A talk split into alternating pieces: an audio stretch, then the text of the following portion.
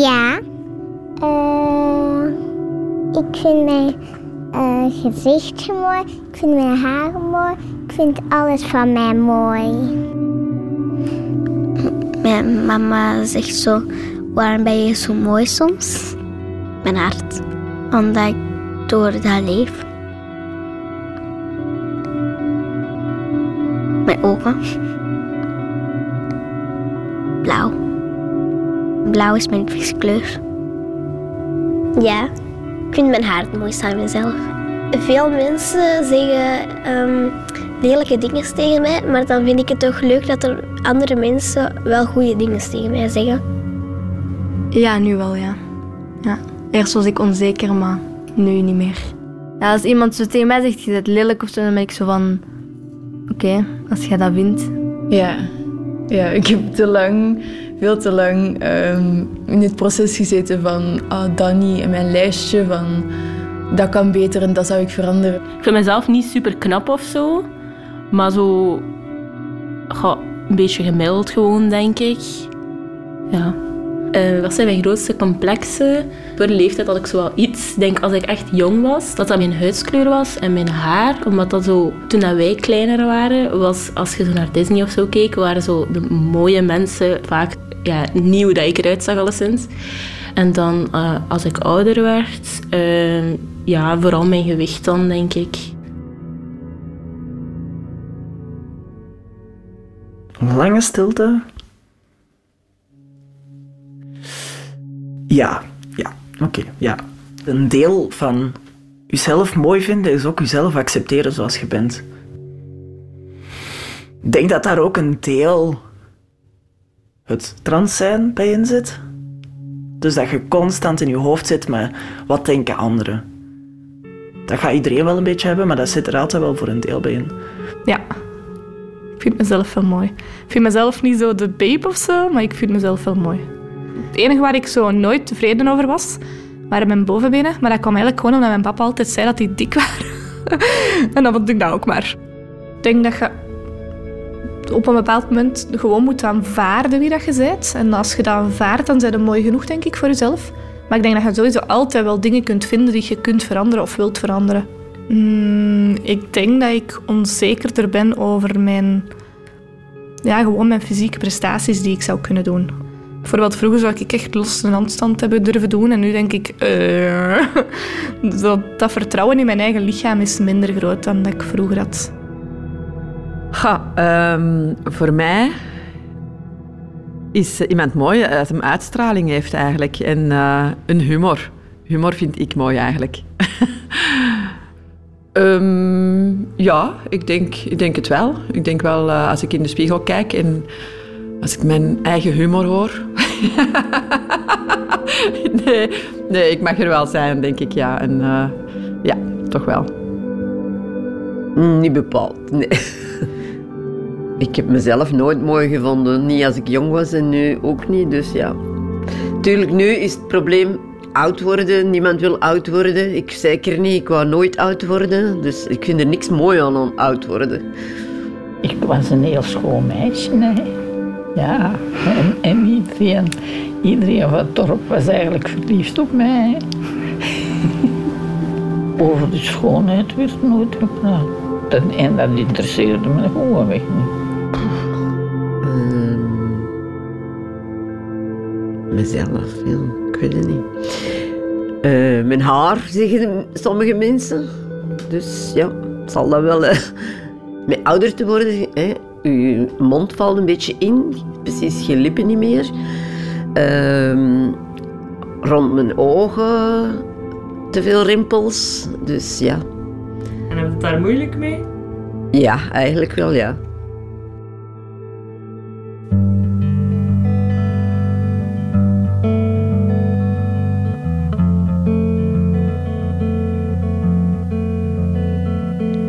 Als ik in de spiegel kijk en ik niet meer op je lijk, mijn lijf. Als ik in de spiegel kijk en ik niet meer op je lijk, mijn lijf. Doe ik een dansje, feestje glans maar. Maak een selfie van jezelf. Eet ik een taartje, vier ik een feestje, zing ik een liedje voor mezelf. Oeh, oeh. Van mij, van mij, van mij, van mij, mijn lijf, mijn lijf, mijn lijf, mijn lijf, mijn lief, mijn lief, mijn lief. Van mij, van mij, van mij, van mij, mijn lijf, mijn lijf, mijn lijf, mijn lijf, mijn lief, mijn lief, mijn lief, mijn lief, mijn Ik ben Leila Eldekmak, journalist en radiomaker bij Radio 1. En ik vind het een verwarrende tijd. Zeker als we spreken over lichamen. Ikzelf ga redelijk complexloos door het leven, maar ik word dagelijks geconfronteerd met het feit dat dit niet voor iedereen het geval is. Via intieme gesprekken met verschillende vrouwen probeer ik uit te zoeken hoe dat komt. Wat zorgt ervoor dat jij op jouw manier naar jouw lijf kijkt? Termen als body positivity en body neutrality vinden steeds meer hun weg. Het idee dat je je lichaam moet vieren zoals het is, of dat het ook maar gewoon dat is. Een poging om recht te trekken wat scheef zit. Hoe we omgaan met onze lichamen en dat van anderen zegt iets over onze maatschappij. Je luistert naar Lijf. En deze eerste aflevering draait rond de norm en ons schoonheidsideaal. Want hoe je het ook draait of keert, het is alomtegenwoordig. Als ik nu aan jou vraag, stel je een vrouw voor, dan heb jij een beeld in je hoofd. Zie je ze?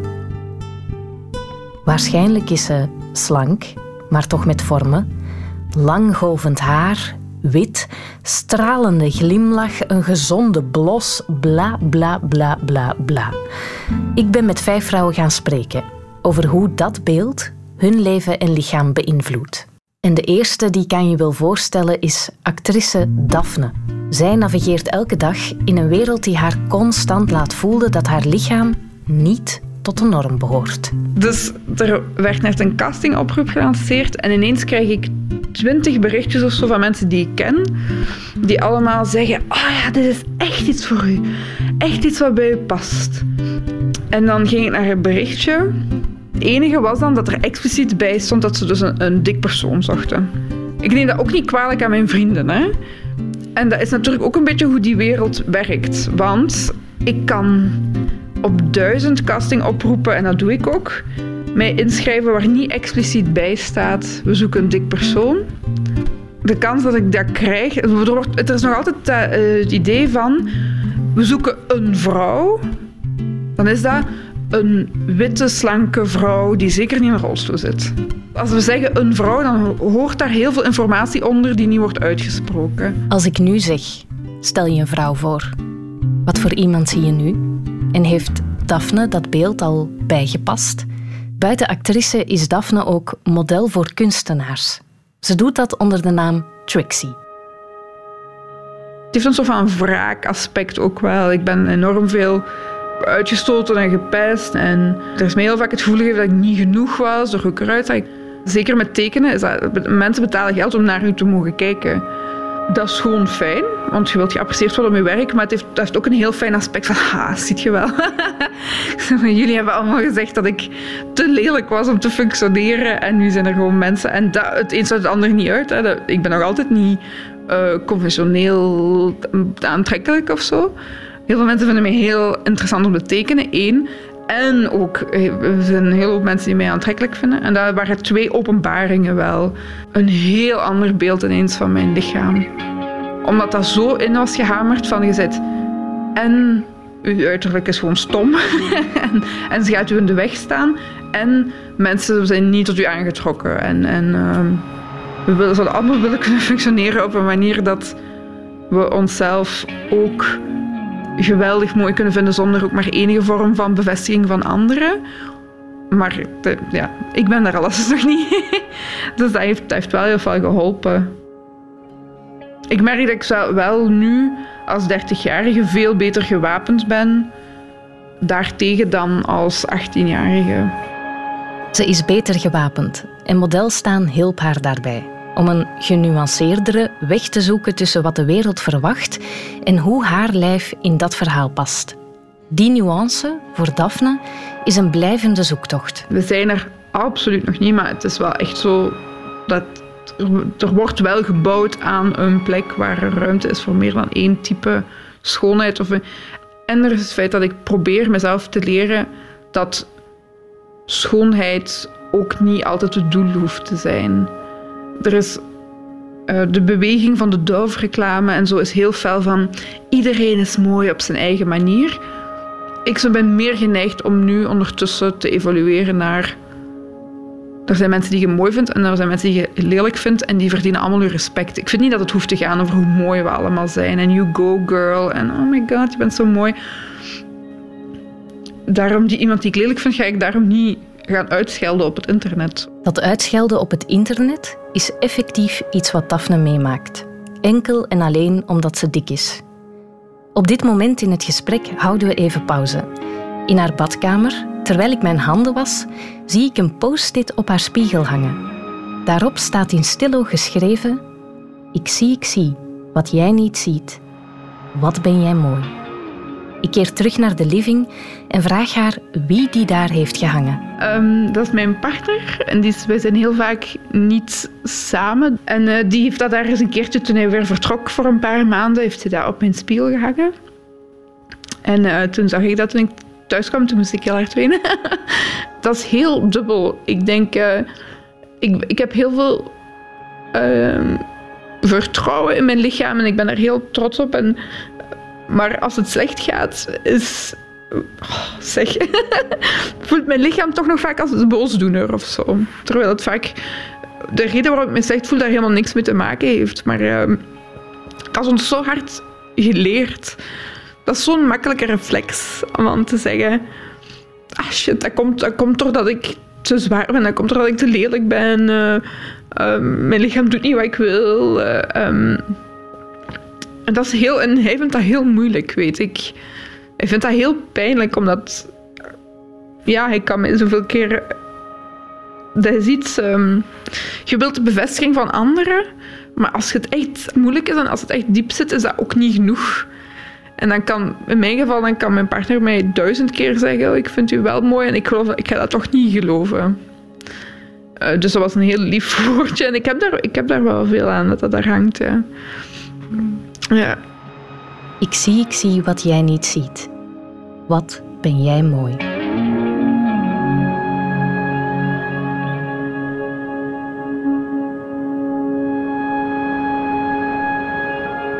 Als ik spreek over Daphne en ik zeg Daphne is dik, dan merk ik dat mensen daar heel heftig op reageren.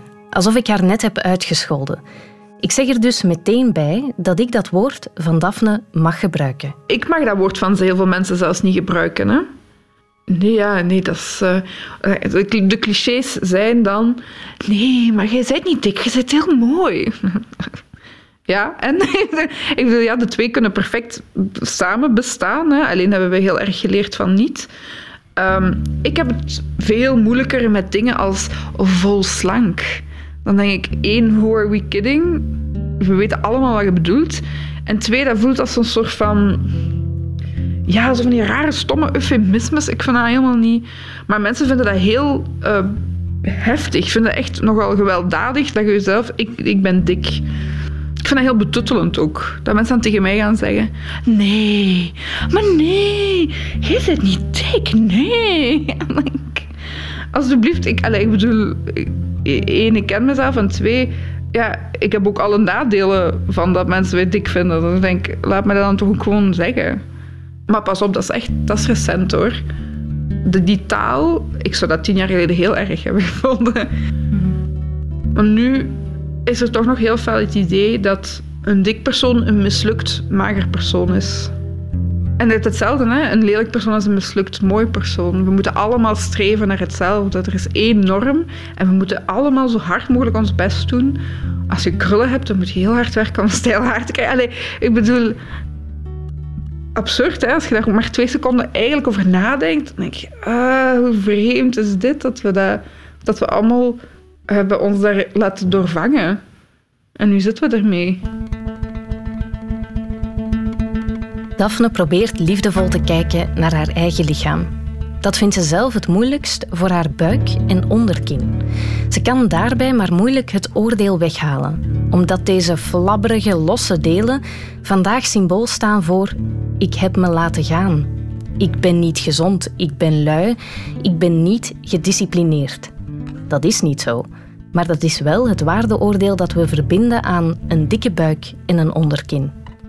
Ik vraag haar wat haar dan helpt om haar volledig lichaam te aanvaarden. Zeker nu met corona, dat we elkaar bijna niet kunnen aanraken, probeer ik mezelf ook heel veel aan te raken. Zonder dat dat is om een soort van afkeurend is. En zo van, oh, ik pak mezelf vast en ik denk, oh, zat dat er maar niet. Zonder dat het seksueel is, dat het gewoon is voor het plezier van jezelf aan te raken. Ik heb het gevoel dat we dat allemaal misschien wat meer zouden... Allee, ik toch zeker wat meer zouden kunnen doen. En dat helpt ook wel. Om aan die buik bijvoorbeeld te denken van, ah, dat is wel zacht, bijvoorbeeld. Dat is wel, ik moet dat wel toegeven, dat is wel super tof. Ik vind dat misschien nog altijd niet mooi, maar dat is toch, heeft toch al wel ook andere voordelen. En, en, um, ja, maar dat is een eeuwige strijd. Hè? Allee, dat is wel het doel, van zo rap mogelijk uh, met zoveel mogelijk dingen vrede hebben.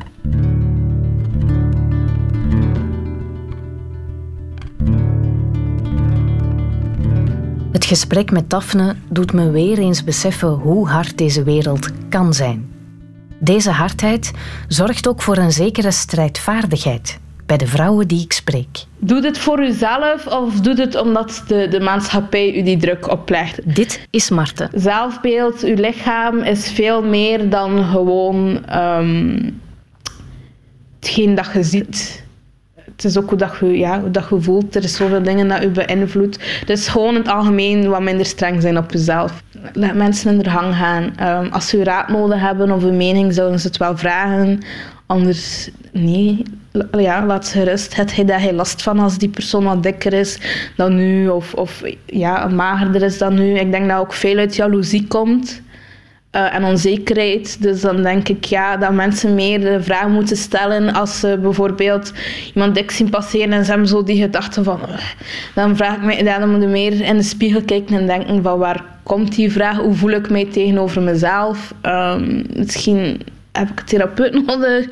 Uh, moet ik me meer omringen met mensen die mij appreciëren en graag zien voor wie dat ik ben? Dus ja, gewoon het is makkelijker gezegd dan gedaan. Trek het u wat minder aan als iemand negatief is tegen u. Maar als, als jij de persoon bent die negatief bent, durf eens een keer in de spiegel te kijken. Haar terechte oproep heeft ook een oorsprong.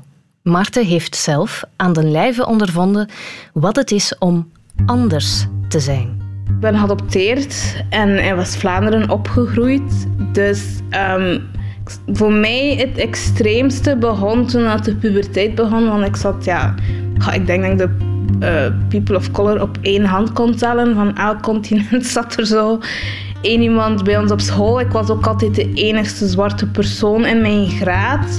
Um, dus ja, als je opgroeit in een witte omgeving, zeker in West-Vlaanderen, merkt het toch wel dat je niet uh, wit bent. Voor Marten manifesteert dat verschil zich lange tijd op één element van haar lichaam.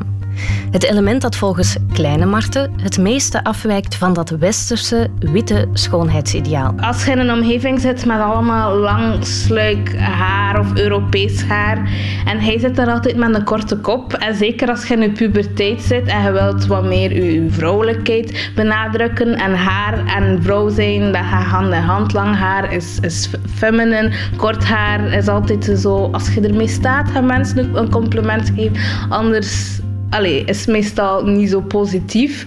Dus op een bepaald moment was ik wel heel gefixeerd om mijn haar plat en lang te krijgen. Dus de dag dat ik een stijltang kreeg van mijn mama was ik super gelukkig. Dus dan dat ontkrullen. Um, eerst met chemische producten van de kruidvat, waar dat je hoofd een halve week van open ligt. Dus dan ben ik begonnen met de braids en de twists en um, dat te doen. En eigenlijk nog maar de laatste het laatste jaar echt met wigs en weaves. Omdat dat het gemakkelijkste, het gemakkelijkste is. Uh, dus ja, ik merk dat bij heel veel zwarte mensen die in een witte omgeving zijn opgegroeid. We hebben allemaal issues gehad met ons haar. En plots komt die klik er wel. nu pas besef ik met ouder worden hoe meer dat mijn zwart zijn mij toch ergens ehm, beperkt heeft in mijn witte omgeving. Terwijl dat ik dat als kind eigenlijk niet zo door had of niet wist dat dat toch zo zwaar woog of dat ik nu besef.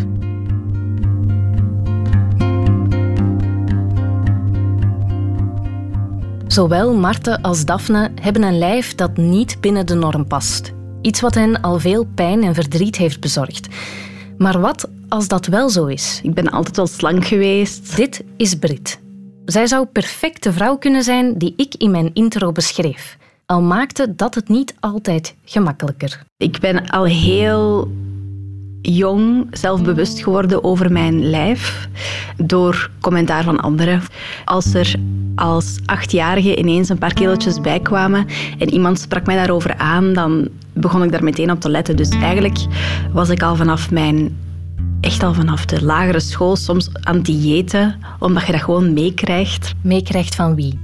Krijg je het mee van de media, je familie, leeftijdsgenoten? Ik vind dat moeilijk om te zeggen, want het is wel heel erg gelinkt aan onze mama, denk ik. Onze mama is iemand die zelf ook heel onzeker is.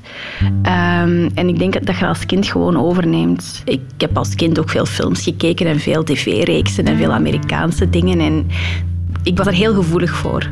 Dus ik begon dat gewoon te, te kopiëren.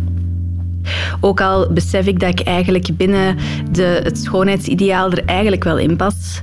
Ja, natuurlijk, ik ben geboren in 1990 en dat is wat de, de really skinny supermodel periode die ik dan heb, allez, waar ik dan in ben opgegroeid. En dan was het, ma mager was nooit mager genoeg. Dat is een zaadje dat in je hoofd wordt geplant en is beginnen evolueren. Wanneer ik dat dan echt super hard heb gemerkt en ermee heb moeten leven, was toen ik depressief ben geworden. Als ik mij mentaal slecht voelde, dan begon ik mij ook slecht te voelen over mijn lichaam, ook al was dat niet per se nodig. Of, allez, dat was gewoon niet realistisch. Dat zat gewoon in mijn hoofd. Los van het feit dat ik in, mijn depressie mij sowieso heel slecht voelde over mezelf, ben ik dan ook nog zwaar beginnen afvallen. En dat was niet omdat ik op dieet was. Dat was een combinatie van medicatie en je slecht voelen en uh, veel angsten hebben en niet slapen en stress. En ik ben dan van mijn normaal gewicht gegaan naar 49 kilo. Dus ik ben 10 kilo afgevallen. En ineens begon ik complimenten te krijgen van mensen van amai Brit, je ziet er goed uit, je ziet er strak uit. Waardoor ik begon te denken, ah oké, eh, dit is dan blijkbaar hoe ik er moet uitzien. Amai je ziet er goed uit, gestraald.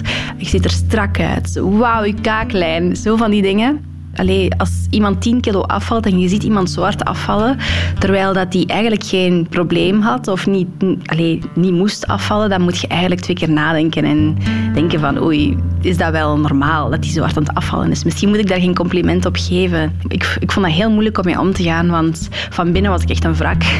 en mensen zeggen dan gestraald en dan denk ik wauw. Uh, en nu, twee jaar later, gaat het veel beter met mij. Ik ben gewoon terug op een normaal gewicht. En die complimenten blijven door mijn hoofd spoken.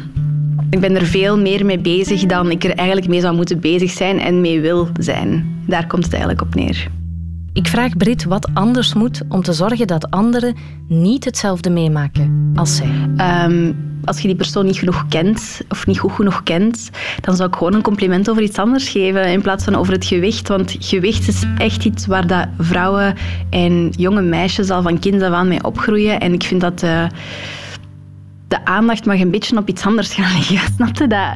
Terwijl je kunt zoveel andere complimenten geven. En als we als vrouwen andere complimenten aan elkaar gaan geven, gaan we hopelijk minder aandacht vestigen op, op dat gewicht en op dat lichaam.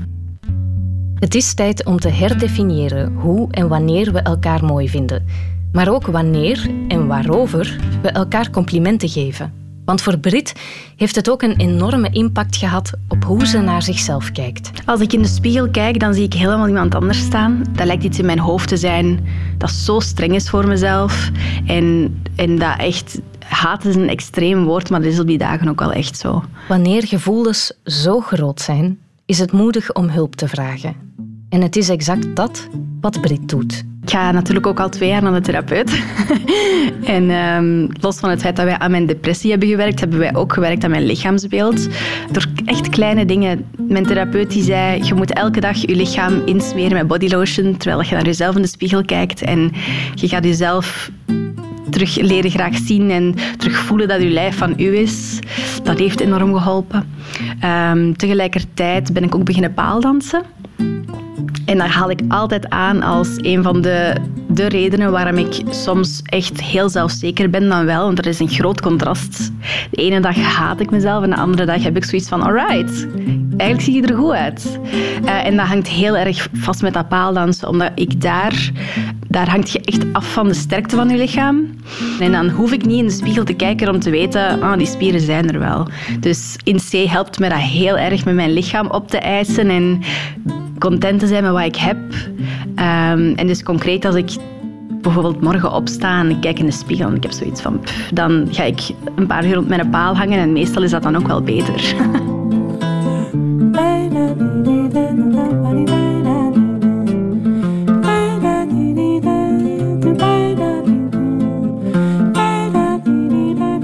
Ik stel voor dat we een soort groepsaankoop van bodylotion, therapiesessies en palen organiseren in naam van de volksgezondheid.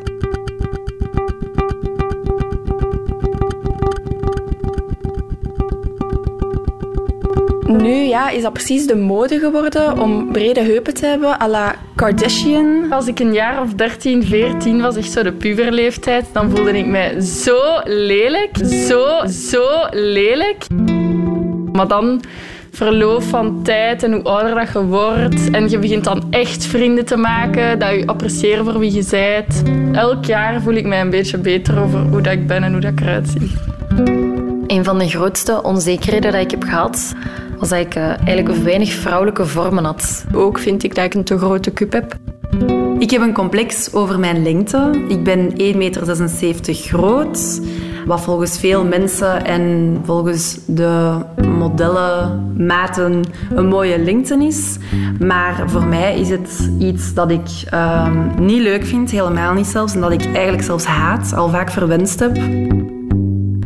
Ik heb een complex over uh, mijn huid. Um, en dat is eigenlijk nog maar het laatste jaar. Sinds ik overgeschakeld ben naar een, uh, een spiraaltje, heb ik uh, plots last gekregen van acne.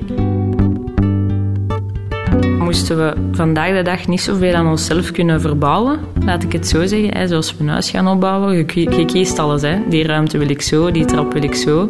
Je kunt dat nu ook met je lichaam. En ik denk dat ik het daar het moeilijkste mee heb. Dat je kunt zoveel geld in je lichaam pompen om daar iets van te creëren dat past in een beeld dat nu mooi is, binnen vijf jaar alweer niet meer. Dat ik gewoon onzeker word, omdat ik zoiets heb van, ja, moet ik dan effectief ook iets gaan veranderen? Moet, moet ik mijn geld daarin steken? Moet ik daar waar ik al jaren over klaag, daar iets aan gaan doen? Of moet ik net gewoon leren dat mijn postuur mijn postuur is. En vandaag ben ik content met hoe mijn armen eruit zien. En binnen een maand ga ik misschien blij zijn met mijn buik. En zo zal dat ook wel groeien zonder dat daar geld mee gemoeid is. Maar eerder gewoon vertrouwen. Als je geboren wordt met een lichaam dat wel past binnen de norm, lijkt je dat even weinig te beschermen als geboren worden met een lichaam dat er buiten valt. Wat schiet er dan nog over? Misschien een lichaam dat getransformeerd is. Een dat vroeger niet en nu wel mooi wordt bevonden. Dat brengt ons bij Serin. Wel, het ding is, um, vroeger, hè, toen ik veel dikker was, dan was het zo dat ik... Um, als ik aan iets geraakte, als ik iets kreeg, als ik een job kreeg, als mensen mij graag hadden, eendert wat dat positief was, dat was puur door mijn persoonlijkheid, door mijn humor, door mijn intelligentie, al die dingen. Um, terwijl dat ik nu wel merk dat ik soms voor dingen geboekt word. Of anyway, dat, dat het nu gewoon zo wat meer misschien een beetje rond mijn uh, uiterlijk draait. Ik heb heel mijn leven gewild dat mensen mij mooi vonden. En dan, uh, dan heb ik daar iets aan gedaan. En dan ineens merk ik dat, dat het leven eigenlijk vrij sad is voor mensen die zo enkel mooi zijn. Je wordt gewoon verkleind naar je looks. Um, en dat is iets dat ik vroeger nooit heb gehad. En nu merk ik dat dan wel, dat ik zoiets heb van, oh, die vindt mij eigenlijk niet slim of die vindt mij eigenlijk niet talentvol. En dat heb ik wel veel gehad, vooral in de stand-up, dat ik merkte van, ah, oké, die ene gast heeft mij geboekt voor zijn comedy show. In de hoop dat er na het optreden iets ging gebeuren. En er gebeurt dan niks. En dan word ik niet meer teruggebeld. En zo heb ik een paar comedyclubs in Europa of zelf in de VS waar ik nooit niet meer een voet in ga zetten. Puur door het feit dat ik gewoon verkleind werd naar mijn looks en gewoon geboekt werd voor dat. Ik heb heel mijn leven zoveel aan mijn personaliteit en mijn humor en mijn, mijn, mijn eigen interessant gemaakt met andere dingen dan mijn looks. En uiteindelijk merk ik dat die andere dingen dan een beetje zo onnodig zijn. Dat mensen zoiets hebben van, maar dat hebben we allemaal niet nodig. Just be pretty and be nice. En, en dat is zo'n beetje het spijtige zo. Het is echt moeilijk voor mij om te beseffen hoe mensen mij anders behandelen dan vroeger. Um, heel simpel gezegd, hè, maar ik ben lelijk geweest en ik ben mooi geweest. Ik ben heel lang heel lelijk geweest. En nu de laatste jaren, ook al, ik, ik, vind, ik vind mezelf niet mooi, hè, maar van wat ik hoor. En ik krijg ook aandacht van bepaalde soorten mannen nu. Dat vroeger niet eens naar mij gingen kijken, niet eens niet eens een deur voor mij gingen open doen. Je hele leven mooi willen worden gevonden om dan te ontdekken dat het hele concept leeg is. Dat is iets dat niemand je vertelt. Hoe komt dat? En vooral, hoe kunnen we ervoor zorgen dat we ons eigen lichaamsbeeld gezond houden? Voor Serine ligt het antwoord hier. Recht voor onze neus, bij onszelf en elkaar. Ik zou um, meer omringd zijn door vrouwelijke lichamen. Want zodra je het ziet, um, naaktheid dan echt. Wie zien wij naakt? Wij zien vrouwen in films, zo bepaalde actrices, bepaalde modellen. Um, ja, of zo in porno of zo. Maar wij zien geen gewoon dagelijkse vrouw naakt. En dat doet veel aan ons oog en dat doet veel aan wat wij denken van hoe dat een, een vrouw er naakt moet uitzien. En dus dat, maar zowel voor vrouwen als voor mannen, hè, voor meisjes als voor jongens, vind ik dat het heel belangrijk is om verschillende soorten lichamen gewoon te zien en, en dat oké te vinden. En dat is iets dat ik nu pas de laatste jaren heb meegemaakt. Want vroeger was ja, een mooi lichaam een of andere Instagram-model. Um, maar wat ik wel heb gedaan, is alle mooie mensen van mijn Instagram meedoen. Gone. Al de Kardashians, allemaal weg. De enigste mooie mensen die ik op mijn Instagram heb, dat zijn mensen die ik dan echt ken, persoonlijk. En ik weet dat die wat kwakken hebben, ik weet dat die niet perfect zijn. Maar uh, ja, ik heb al die mensen gewoon geunfollowed. En ik merk dat ook. Ik heb vriendinnen die nog al de Kardashians volgen en zo van die dingen. En het zelfbeeld dat die hebben is echt heel spijtig. Van hoe dat zij er moeten uitzien, hoe dat ze er zwanger of niet zwanger... Allee, al die dingen. Verschrikkelijk. Het is een hele weg geweest. Van mooi willen zijn, het eindelijk bereiken, om dan te ontdekken dat het toch niet is wat ze hoopten. Om dan nu landen.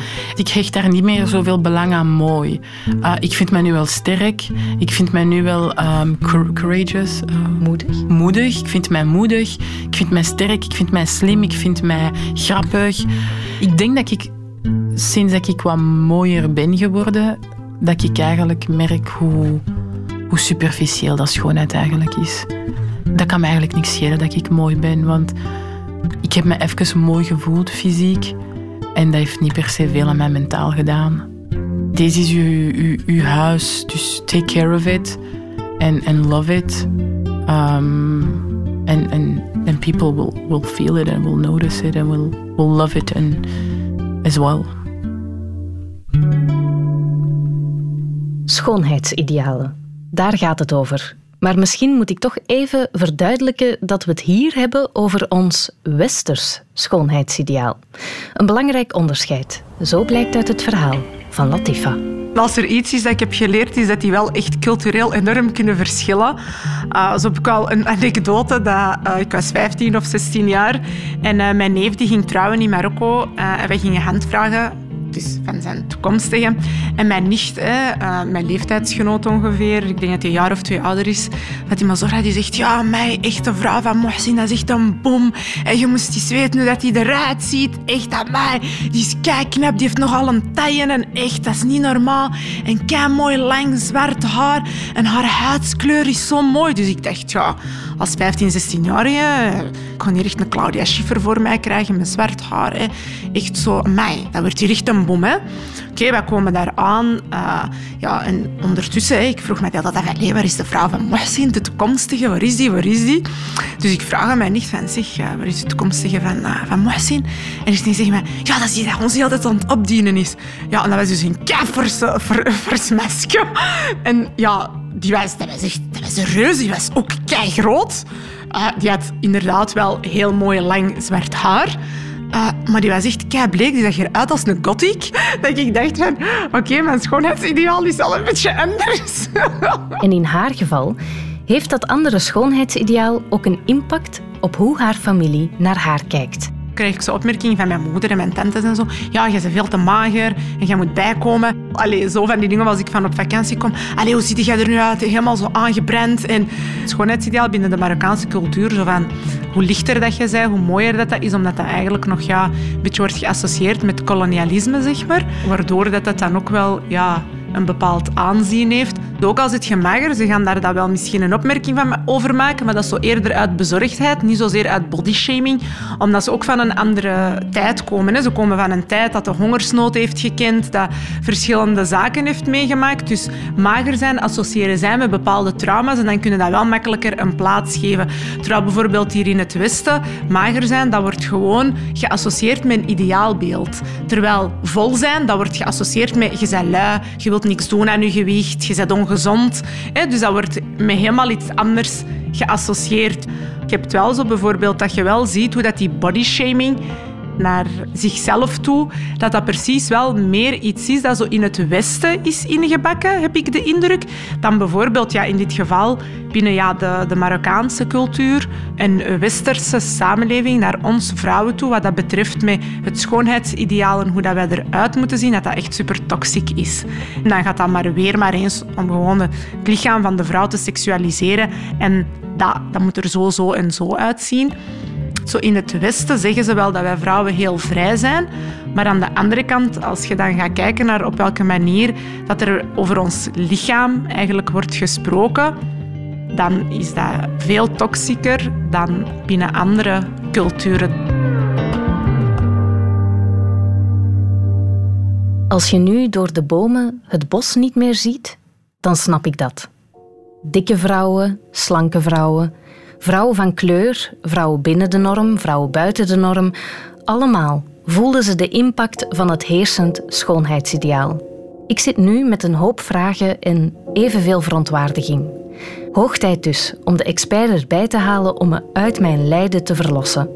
En de verlosser komt in deze aflevering in de vorm van hoogleraar psychologie Liesbeth Wortman. Hey. Is het oké als ik je Liesbeth noem? Is prima. Oké. Zij doet al meer dan 30 jaar onderzoek naar mooi zijn en schoonheidsidealen. Wat dacht je toen je de getuigenissen hoorde? Ik vond het een mooie mix van verschillende vrouwen. Wat wel duidelijk was, of het nu een zwarte vrouw was of een dikke vrouw of iemand die model is, dat het duidelijk is dat het belang van het lichaam voor al die vrouwen eigenlijk groot is. Het kost hen veel tijd en energie, zou ik eigenlijk willen zeggen. Ja, ik vond het ongelooflijk hoe aanwezig die norm en dat schoonheidsideaal is. Het zweeft als het ware als een wolk boven al onze hoofden. Ja, bij mij kwam zelfs het woord doordesemt op. Weet je wel, dus de desem van het brood, wat het doet reizen. Zo lijken die culturele schoonheidsidealen doordesemd in de hersenen, in het gedrag, in het gevoel van ontzettend veel vrouwen te zijn. Als je er niet over nadenkt, dan denk je misschien, ach, hoe belangrijk is schoonheid nou eigenlijk? een heel minuscuul onderdeeltje van het leven. Maar je ziet aan deze getuigenissen, aan deze interviews, dat het een ja, heel wezenlijk onderdeel uitmaakt van hun denkwereld en van hun zijn. Mm wat mij dan een beetje tot de conclusie bracht van ja, die norm is gewoon niet ontworpen om iemand gelukkig te maken. Toekoer. Nee, dat klopt. Um, schoonheidsidealen zijn van alle tijden en alle culturen. Alleen in onze tijd is het gigantisch overdreven omdat het schoonheidsideaal volkomen technisch is. Het is gemanipuleerd. Het gaat niet meer om biologisch mooi zijn. Nee, het gaat om een ja, gefotoshopt, gemanipuleerd ideaalbeeld. Ja, en dan kom je op een soort schoonheidsideaal van technisch perfectie. En dan, dan, dan gebeurt het wat jij ook zegt, dat geen enkele vrouw, ook al is ze biologisch prachtig, in dat plaatje past, want niemand is perfect. Ja, als dat ideaalbeeld echt draait rond perfectie en niet meer over hoe je er feitelijk uitziet, dan schiet er nog over je mooi voelde. Precies. Maar dat is ook zo ontzettend interessant, omdat, uh, net wat jij in de intro zei, ik doe al dertig en misschien nog wel langer onderzoek naar lichaamsbeelden. En hoe komt dan de waardering van je uiterlijk tot stand? Dat heeft ontzettend weinig te maken met hoe je er feitelijk uitziet, maar alles met hoe je je voelt en met wie je je vergelijkt. Als ik mij zou vergelijken met mijn studenten, ik zeg maar wat, ja, dan zat ik de hele dag wenend onder mijn bureau natuurlijk omdat het heel stom is om je met veel jongere meisjes ook te vergelijken. Dus het is heel belangrijk om je te vergelijken met levende mensen, gewoon om je heen, ongeveer van dezelfde leeftijd. dat heet horizontale vergelijking. Dat is eigenlijk de meest gezonde manier om een min of meer positief lichaamsbeeld te hebben. Mm hoe het ook draaien of keren, er is wel een hele industrie die massa's geld verdient aan de onzekerheid van mensen op basis van die norm en dat schoonheidsideaal. Jazeker. Ze proberen te focussen op verschillende doelgroepen om natuurlijk gewoon zoveel mogelijk geld binnen te harken.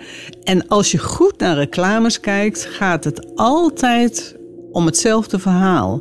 Ik weet niet of die in België ook geweest is, die reclame dat je een man en een vrouw ziet uh, buiten op een mooi grasveld op een zomerse dag. Met mooie muziek lopen ze naar elkaar toe. En ineens wordt die muziek heel treurig. En het beeld zoomt in op het gezicht van die vrouw. En dan zie je twee minuscule rimpeltjes zo bij haar ogen. De reclame gaat dan over met het merk van een cremmetje. Die mevrouw die gaat dus naar huis, smeert twee weken dat cremmetje op de gezicht. En het beeld vervolgt weer dat uh, ze weer op die mooie zomerwei zijn. Die man pakt weer zijn fototoestel, zoomt weer in op het gezicht van de vrouw.